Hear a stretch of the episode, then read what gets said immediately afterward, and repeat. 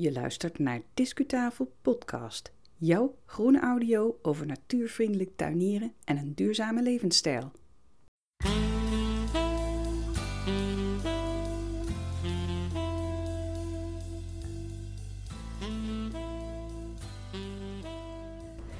En toen kochten de broeders Georges en Robert de Belder dit terrein. En onder leiding van die twee broers en ook de vrouw van één van hen, mevrouw Jelena de Belder, groeide dit arboretum eigenlijk uit tot uh, ja, de prestigieuze tuin die het nu is.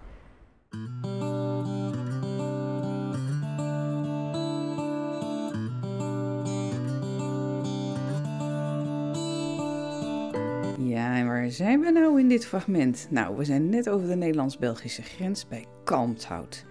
Het is een wereldberoemde plek, mede dankzij het werk van die familie de Belder. Bijvoorbeeld vanwege de enorme collectie toverhazelaars. En Discutafel nam een winterskijkje voor jou in Arboretum Kalmthout. Fijn dat je weer luistert naar Discutafel podcast, jouw eigen groene audio. Mijn naam is Yvonne Smit. Dit is nummer 126 en die kan je beluisteren sinds 28 december 2022. We hebben al eens eerder aandacht besteed aan eh, deze mooie bomentuin in België, in aflevering 125. En toen hebben we ons een vraag gesteld over die bestuiving van die, van die toverhazelaar. Dat is in de, in de winter bloeit die. En hoe gaat dat dan als er zo weinig insecten zijn? Nou, in deze editie zal je er iets over terug horen. En ik kijk letterlijk neer op Arboretum Kalmthout. Luister maar.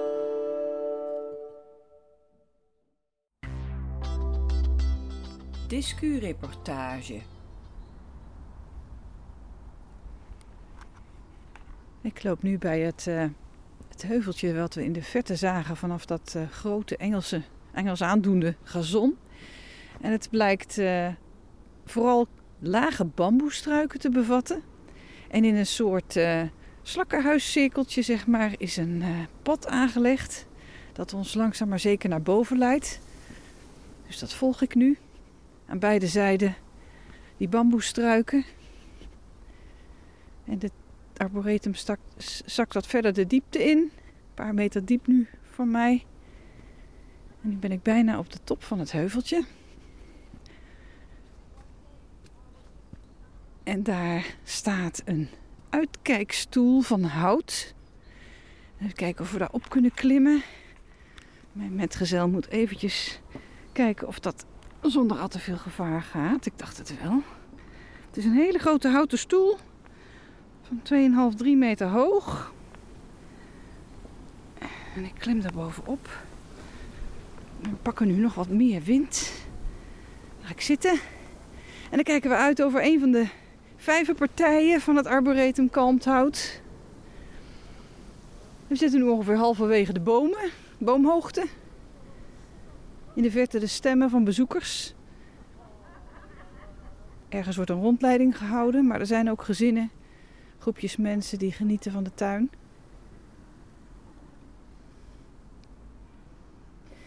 Wat je hier ook mooi ziet, is dat ze een aantal bomen hebben ze moeten omzagen, om wat voor reden dan ook, maar dan laten ze de stronken staan. Dus ik kijk nou naar een hele knoestige stronk van een meter of vier hoog, denk ik.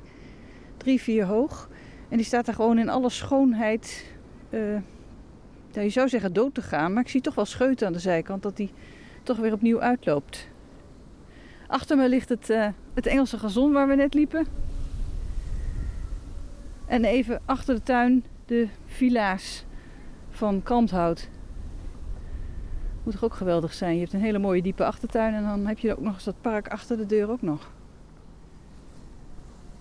Ja, leuk extra attractiepunt kunnen verkijken, zeker nu de bladeren niet aan de bomen zijn. Leuk. Dan gaan we met gevaar voor eigen leven weer naar beneden, maar dat ga ik niet opnemen.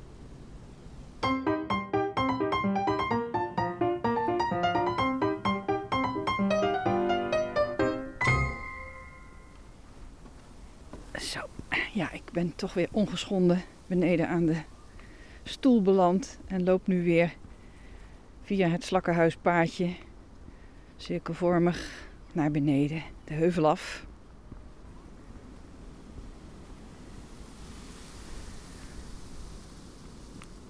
Heerlijk dat geluid van die ruisende wind door de blaadjes van de bamboe. Waarom heeft Hamameris een sterke geur? In haar boek Winterbloeiers omschrijft Jelena de Belde de geur als delicaat, fris, koel en ijl. Met geen enkele andere geur te vergelijken. Ze kent de toverhazelaars natuurlijk door en door en beschrijft ze verder lyrisch. Alles aan deze plant bevalt mij, maar het meest hou ik van hun aparte geur wanneer die me op een winterse dag vanuit de tuin tegemoet waait. In vele nuances, al naar gelang de soort of de cultivar, de groeiplaats of de weersomstandigheden. Op zachte winterdagen hangt de geur als een wolkje in de lucht of parfumeert hij het hele bos. Ik vraag me af hoe die minuscule bloempjes zo intens en zo lang kunnen geuren. Ze doen er blijkbaar alles aan om in de winter de weinige insecten die dan rondvliegen te lokken om de bestuiving veilig te stellen. Iedereen vaart daar wel bij. De planten, de insecten en wij die er mogen van genieten. Vrienden die op een stralende winterdag met ons in de tuin wandelen, zeggen dat ze gehamamiliseerd terug naar huis gaan. Op zo'n moment voel ik me ten zeerste gevleid en gelukkig. Vergeet dus niet om af en toe eens diep in te ademen door je neus tijdens de wandeling. We lopen ook rond in Arboretum Kalmthout tijdens podcast aflevering nummer 125, zoals we al eerder vermelden. En daar spreken we over de geur en de bloeitijd van de hamamelis. Nou, die bloei, dat is in Noordwest-Europa, bij ons zeg maar, rond januari en februari. En dat is best een merkwaardig tijdstip voor bloei. Dat roept vragen op en daarom gaan we er nu verder op in. Daar straks hadden we het over de bloeitijd van de toverhazelaar, midden in de winter, terwijl er bijna geen insecten zijn. Hoe zorgt hij dan voor de bestuiving? Dat is knap onhandig. Maar misschien zien we wel een belangrijke verklaring over het hoofd, want bestuiving gebeurt niet alleen door insecten. Bestuiving kan ook bijvoorbeeld door de wind. Dus er is een verklaring die ervan uitgaat dat, dat um, die, die toverhazelaar, die is lid van een eh, heel oude familie, als je kijkt naar de geschiedenis van de aarde. En um, die oude familie die is al zo vroeg ontstaan in de evolutie, um, dat er toen nog maar heel weinig insecten waren. En um, hij was dus afhankelijk van de wind voor de bestuiving. En zo zou de toverhazelaar een windbestuiver zijn geworden. Want um, ja, waaien wilde het wel in die bossen waar de toverhazelaar van nature voorkomt. Maar um, dat waaien dat gebeurt dan vooral in de winter, wanneer er geen blad aan de bomen zit. Voilà, zo zou de toverhazelaar een winterbloeier zijn geworden die door de wind wordt bestoven. Een andere verklaring zou kunnen zijn dat die toverhazelaar uh, ja, weliswaar hier in de winter bloeit, maar op de plekken waar die van oorsprong voorkomt, is het misschien net even een iets ander seizoen, net even iets andere ecologische omstandigheden, waardoor er wel degelijk insecten zijn. Eerlijk gezegd weet ik het niet zo. En het raadsel wordt nog groter, want op verschillende officiële websites die ik heb bekeken, daar schrijft men doodleuk dat de bloemen wel degelijk door insecten worden bestoven. Uh, er wordt zelfs gesproken over nachtvlinders. Ik heb onder andere de website geraadpleegd van het Arboretum De Nieuwe Ooster in Amsterdam. Dan hebben we nog de mening van mevrouw Jelena de Belder zelf. Dus de dame die in de tweede helft van de 20e eeuw zo belangrijk is geweest voor het uitbouwen van de collectie hier in uh, Kalmthout. Zij beweerde van nou, um, windbestuiving, dat is onmogelijk, want de stuifmeelkorrels die zijn hiervoor echt te kleverig. Kortom, het lijkt er eigenlijk op dat het nog niet helemaal duidelijk is hoe de bestuiving van de hamamelis of de toverhazelaar plaatsvindt. Wie het weet mag het zeggen. Stuur me een, uh, een mailtje bij Discutafel en dan komen we daar een volgende keer zeker op uh, terug. Het is wel jammer dat we dat allemaal niet zo goed weten, want bij Discutafel kunnen we wel genieten van, uh, van de sierplanten, die hier ook veel staan, de cultivars. Maar we zien wel graag een ecologische verbinding met hun omgeving. Dus als ze niet door insecten zouden worden bestoven, ja, en mensen gaan alleen maar deze planten vermeerderen op kunstmatige wijze, um, ja, dat voelt voor ons als natuurlijk tuiniers toch niet helemaal lekker.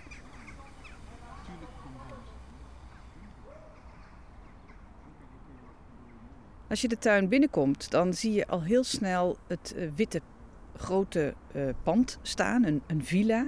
En dat is de, uh, de voormalige zomerresidentie van de familie van Geert. En die familie van Geert stond eigenlijk een beetje aan de, aan de wieg van wat nu het Arboretum Kalmthout is.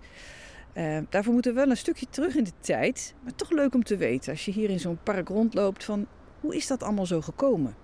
Nou, medio 19e eeuw was het uh, de Antwerpse boomkweker Charles van Geert die hier is begonnen met, ja, ik zou kunnen zeggen, een proeftuin. Een proefterrein voor zijn kwekerij in Antwerpen. Hij ging hier experimenteren met planten.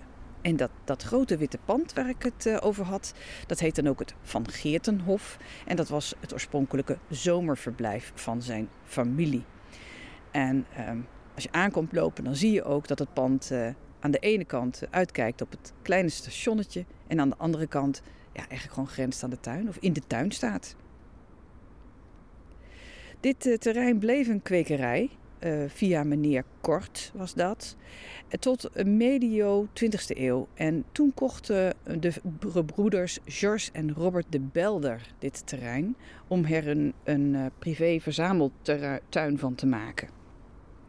En onder leiding van die twee broers en ook de vrouw van een van hen, mevrouw Jelena de Belder. Uh, onder leiding hiervan, van dat drietal, groeide dit arboretum eigenlijk uit tot uh, ja, de prestigieuze tuin die het nu is. Ze hebben honderden nieuwe planten geïntroduceerd. Uh, die hebben ze via vrienden gekregen, via kwekers van over de hele wereld. Ze hebben zaden in het wild verzameld. Ze hebben ook heel veel nieuwe cultivars geselecteerd. En stonden ook aan het begin van allerlei wetenschappelijke en educatieve activiteiten. Het drietal heeft heel veel betekend voor de uh, plantenwereld. en ehm, hun nagedachtenis wordt dan ook hoog gehouden. van de drie genoemde mensen, dus de twee broers en mevrouw Jelena, stierf de dame als laatste in 2003. Haar echtgenoot en zwager waren haar al voorgegaan. En um, toen zij stierf, dat geeft wel een beetje aan hoe belangrijk dat zij was voor de plantenwereld. Toen zij stierf was zij vicevoorzitter van de Royal Horticultural Society in Engeland. Dus dan, dan beteken je wel wat in de plantenwereld. Um, al iets eerder voor haar dood heeft de provincie Antwerpen het terrein aangekocht. En uh, ja, maak, maakte er eigenlijk een, een groen domein van. Uh, ze vonden het uh, gewoon heel belangrijk dat de wetenschappelijke functie van dit terrein bleef bestaan. Maar daarnaast heeft het natuurlijk ook een publieksfunctie. Want het is een fantastisch gebied om te recreëren, om te wandelen en om te leren over planten. Intussen zijn er nog wat extra aankopen gedaan in de omgeving. Is het uh, zo ongeveer 13 hectare groot geworden. En daarmee toch wel uh, behoorlijk uniek in deze tijden dat je nog kan uitbreiden.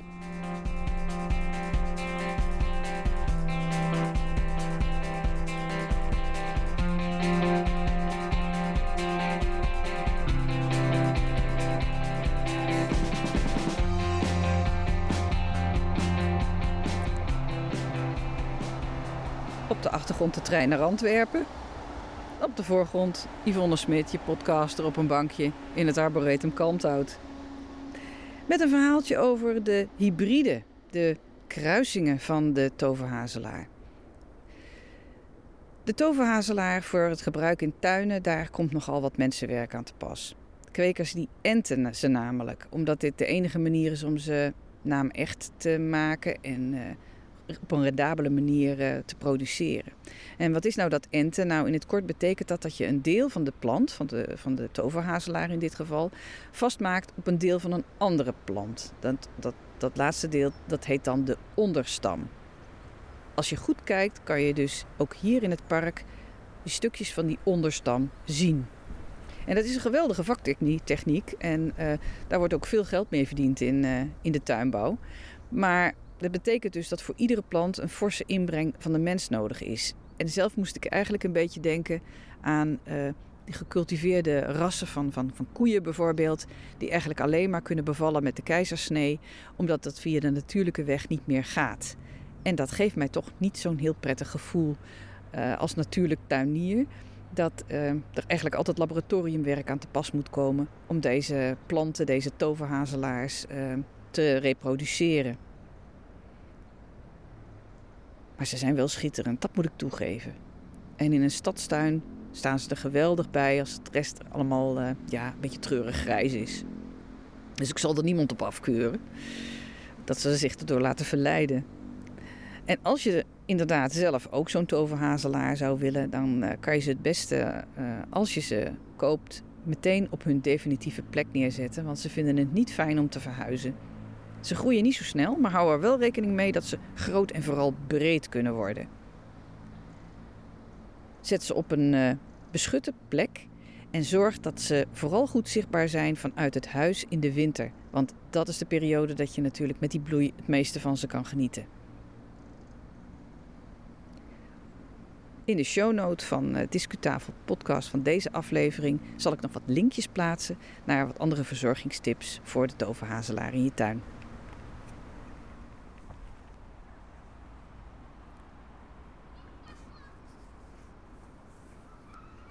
Misschien lijkt het je ook wel wat om uh, eens een keer naar het Arboretum Kalmthout uh, te gaan. Um, wij zijn hier tijdens de bloei van de toverhazelaars in de winter, maar um, er is hier eigenlijk uh, het hele jaar door wel kleur te bekennen. En op de website van het Arboretum Kalmthout staat ook een bloeikalender. Dus um, als je zin hebt om te gaan, kijk dan even welke planten bloeien in de tijd dat jij gaat. waar is de, het arboretum? Nou, het, ligt dus in, in Kalmthout. Dat is uh, net over de Nederlands-Belgische grens. En vanaf Roosendaal uh, trein je er in ongeveer 20 minuten met gemak naartoe. En je stapt voor de deur uit. Je hoeft alleen maar een klein overweggetje over, een spoorwegovergang over. En uh, je stapt zo de tuin binnen. Arboretum Kalmthout is um, dagelijks open bijna dagelijks open. Een enkele feestdag uh, niet. Van 10 tot 5 uur. En um, voor de toegang tot de tuin koop je een kaartje. Dat kan je online doen aan de balie. Er is een bezoekerscentrum. Daar kan je gewoon gratis in. En um, in dat bezoekerscentrum, of bij dat bezoekerscentrum, is ook een, cafetaria waar je een hapje kunt eten en drinken. En natuurlijk de onvermijdelijke winkel. Um, ook een plantenwinkel trouwens, met een uh, werkelijk gekmakende lijst van uh, tomatenzaden. Dus daar heb ik ook even verbleven. Met honderden rassen, echt ongelooflijk. In het arboretum werken heel veel vrijwilligers. Nou, ik moet zeggen, echt een hoeraatje voor ze. Het ziet er allemaal zeer puik uit en we voelden ons heel erg welkom vandaag. Ga naar eh, de website van het Arboretum voor actuele informatie. En dat vind je op arboretumkalmthout.be. En natuurlijk kun je ook altijd eventjes gaan naar de shownote van Discutafel podcast op discutafel.nl, want daar staan de benodigde links.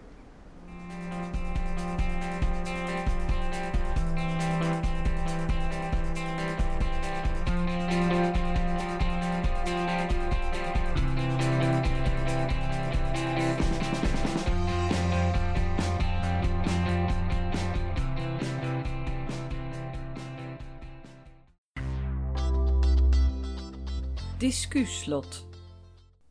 Dankjewel voor het luisteren. Meer informatie en links vind je zoals gebruikelijk in de shownote bij de aflevering. En die shownote die vind je op discutafel.nl. Nou hebben we het in deze podcast nog alles gehad over termen zoals uh, cultivar of hybride of kruising. Dat zijn misschien termen waar je niet zo in thuis bent.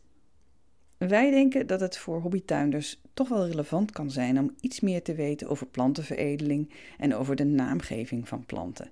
Want als je in de winkel naar een zakje zaden zoekt of je koopt een plant, uh, je ziet die namen staan, wat kan je dan uit die namen afleiden? Hoe natuurecht zijn ze? Daarom publiceren we een serie groene blogs op discutafel.nl over dit onderwerp. Je zult ze terugvinden in de rubriek Discu Kennis. Nou, dat was het voor deze keer. We halen een pauze in. We hebben eventjes, zijn even stil geweest in het najaar van 2022. Nou, die pauze halen we in door in een vrij snel tempo achter elkaar nieuwe afleveringen te publiceren.